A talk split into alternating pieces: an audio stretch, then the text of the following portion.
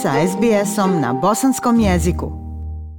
Slušate program SBS Radija na Bosanskom. U narednim minutama donosimo jednu od epizoda podcasta Zeina Nabija pod nazivom Disruptive Companion, a koja se ovoga puta bavi poremećajima u ishrani. Oporavak od poremećaja u ishrani može potrajati nekoliko mjeseci ili čak nekoliko godina. Ali ako se diagnosticira rano, šanse pacijenata da uskoro ozdrave značajno se povećavaju, Gema je bila tinejdžerka kada ju je majka prvi put odvela kod ljekara opšte prakse strahujući da njena kćerka možda ima problem sa mentalnim zdravljem. Rečeno joj je da se nema o čemu brinuti.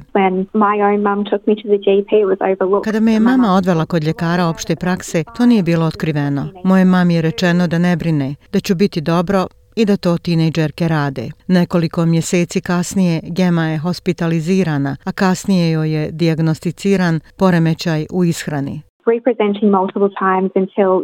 Ponovno predstavljanje više puta sve dok mjesec dana kasnije nisam primljena u bolnicu i pretpostavljam da je moj porodični ljekar bio edukovan svih tih mjeseci prije što sam se prvi put javila. Možda to ne bi bilo toliko štetno za moje zdravlje kao što je bilo tada u toj situaciji.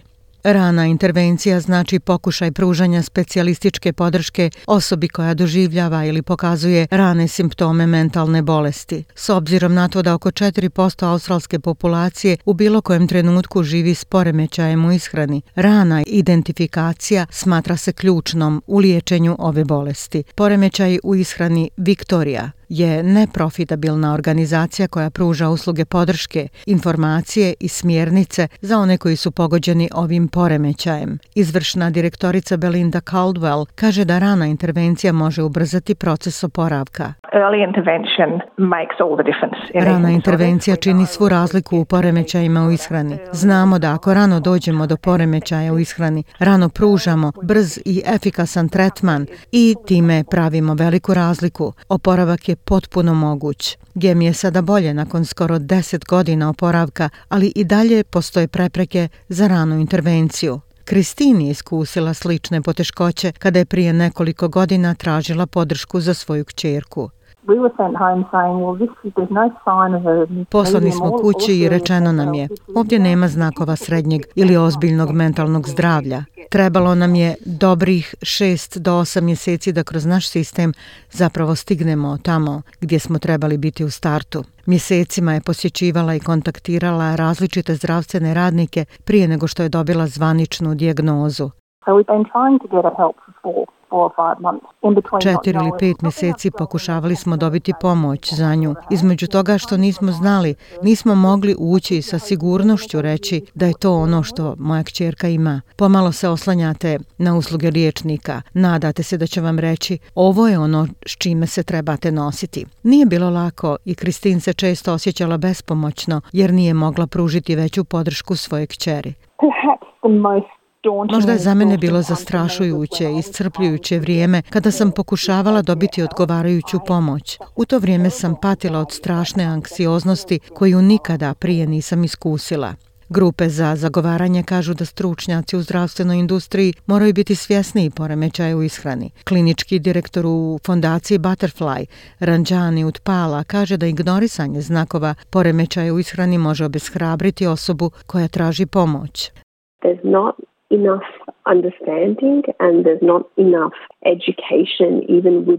Nema dovoljno razumijevanja i nema dovoljno edukacije, čak ni unutar zdravstvenih radnika, o poremećajima u ishrani. Ako neko zaista ima loš poremećaj ishrane, javlja se liječniku ili psihologu ili čak hitnoj pomoći, ali tamo gdje klinički ljekari i zdravstveni radnici u tim sredinama nemaju dovoljno znanja i obuke o poremećajima u ishrani, iako su prilično odbojni prema toj osobi, to može biti traumatično i obezvrijeđujuće za osobu koja traži pomoć. Kada je u pitanju rana intervencija, ljekari opšte prakse mogu izvršiti inicijalnu procjenu i uputiti pacijenta psihijatru ili drugom specijalisti na procjenu ali ljekari nisu uvijek u mogućnosti identificirati simptome poremećaja. Kraljevski australski koleđ liječnika opšte prakse odgovoran je za održavanje standarda za kvalitetnu kliničku praksu, obrazovanje i obuku, istraživanje u australskoj opštoj praksi. Glasnogovornica koleđa, dr. Caroline Johnson, kaže da ljekarima nije lako dijagnosticirati nekome poremećaju ishrani ako nije imao nikakvu anamnezu pacijenta. Ljekari su zapravo dužni da provedu malo više vremena kako bi bili sigurni u dijagnozu, pa ipak vidimo mnogo ljudi koji imaju neke simptome koji bi mogli sugerisati ili rani poremećaj, prehrane ili neko drugo mentalno zdravstveno stanje, a koji još ne prelaze tu diagnostičku granicu. Dakle, to je jedan poseban problem pokušaja da budete sigurni da nekoga ne etiketirate prerano. I to nije jedini izazov another much bigger issue is often when a parent is concerned the person who has the symptoms drugi mnogo veći problem je kada je roditelj u pitanju osoba koja ima simptome možda još nije spremna to otkriti i kao ljekara opšte prakse za mene je to uobičajen izazov. Na primjer, mlada osoba može priznati da se osjeća pod stresom ili anksiozno, ali ako prerano ili previše uporno insistirate na problemu oko prehrane, postoji rizik da će se neko ušutiti i poreći da ima bilo kakav od tih simptoma. Nacionalna saradnja za poremećaje u ishrani razvila je besplatne module za internet učenje koji pružaju informacije ljekarima kako bi pomogli u pružanju njege najbolje prakse za pacijente s poremećajima u ishrani. Ljekari mogu naučiti o ranoj identifikaciji, početnom odgovoru, zajedničkoj njezi, medicinskom tretmanu i podršci za oporavak. Postoje internetski alati i upitnici za screening kojima ljudi mogu pristupiti kako bi mogli imati diskusiju sa svojim lječnicima sa više informacija. Gospodja Caldwell kaže da ljekari mogu vjerovati njegovateljima kada izraze zabrinutost za svoje voljene. We absolutely know that Apsolutno znamo da je zaista važno da ljekari ne gledaju i ne čekaju ako roditelj izrazi zabrinutost u vezi s ishranom ili vježbanjem svoga djeteta.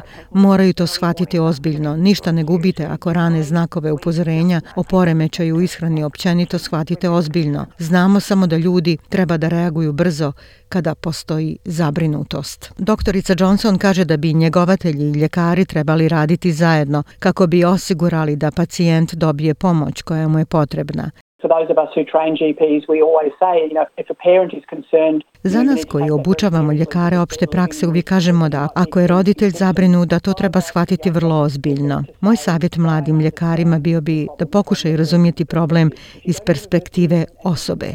Ako idete na univerzitetsku i bolničku obuku i pohađate stipendiju u opštoj praksi, naučit ćete kako da budete kompetentni, naučit ćete kako da budete bezbjedan ljekar i da ne nanosite štetu ljudima. Ona kaže da interakcija sa onima koji su uključeni može pomoći ljekarima lekarima da bolje razumiju ovo pitanje. My first step is if I meet someone who's had an eating disorder who has recovered and who's Moj prvi korak je ako sretnem nekoga koji ima poremećaj u ishrani, ko se oporavio, ko je dovoljno ljubazan da sa mnom podijeli svoje iskustva, stvarno pažljivo slušam. Šta vam je uspjelo? Šta nije pomoglo? Mislim da se to mora dogoditi na lokalnom nivou, razumijevanju iskustva ljudi i pokušaju da iskoristimo sve naše vještine kako bismo im pomogli. Uprkos izazovima oko rane intervencije, gospođa Utpala poziva zajednicu da se nada. Poremećaj u ishrani se mogu liječiti. Ovo nije borba za život. Uz odgovarajući tretman i odgovarajuću vrstu liječenja, ljudi mogu i to čine biti bolje. Gemino putovanje je dokaz da je oporavak koliko god bio težak moguć. Ona sada radi kao medicinska sestra, posvećujući napore da pomogne onima koji žive sa ovom bolešću. Ona dobrovoljno izdvaja svoje vrijeme kako bi podijelila svoj put oporavka i drugima dala nadu once I was fully robust and um, recovered and you know living my best life, I knew that I wanted to give back to Kada sam bila potpuno snažna i oporavila se, živjela sam svojim najboljim životom. Znala sam da se želim vratiti zajednicama koje su me podržale u mom oporavku, posebno onima koji imaju poremećaj u ishrani kako bi im pružila osjećaj nade i uvjerenja da je oporavak moguć koliko god stvari bile mračne. Slušalci koji traže informacije i podršku za poremećaje u ishrani i probleme sa slikom tijela mogu kontaktirati fondaciju Butterfly na 1800334673 ili na stranici butterfly.org.au ili nacionalnu saradnju za poremećaj u ishrani na stranici nedg.com.au. Ja sam Aisha Hadži Ahmetović. Ostanite uz program SBS Radija. SBS na bosanskom. Podijelite naše priče preko Facebooka. Želite poslušati još ovakvih priča? Slušajte preko Apple podcasta, Google podcasta, Spotify ili kako god da primate svoje podcastove.